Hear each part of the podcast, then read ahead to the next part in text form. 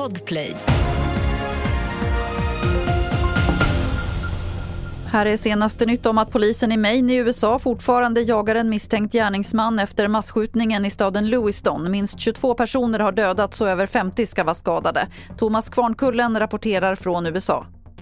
Ja, det vi vet är att det har inträffat skjutningar på två olika platser. Dels en bar eh, eller restaurang och dessutom eh, i en bowlinghall i eh, den här staden. Vittnen har eh, berättat om hur människor har flytt från platsen och att det även ska ha funnits familjer eh, med barn. Men eh, vi väntar fortfarande på att polisen ska komma med ytterligare information för att det här händelseförloppet ska kunna beskrivas lite mer ingående.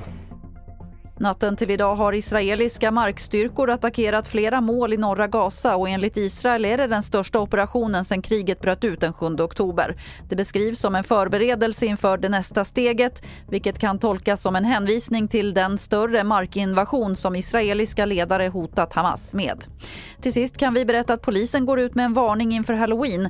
Den som ska klä ut sig uppmanas att inte visa sig med vapenliknande föremål. Polisen menar att människor är mer alerta på att larma om man ser något misstänkt. Larmen tas på allvar och kan enligt polisen rent av bli farliga för den som klätt ut sig.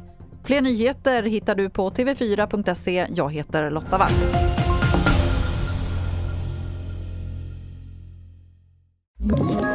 Ett poddtips från Podplay. I fallen jag aldrig glömmer djupdyker Hasse Aro i arbetet bakom några av Sveriges mest uppseendeväckande brottsutredningar. Går vi in med hemlig telefonavlyssning och, och då upplever vi att vi får en total förändring av hans beteende. Vad är det som händer nu? Vem är det som läcker?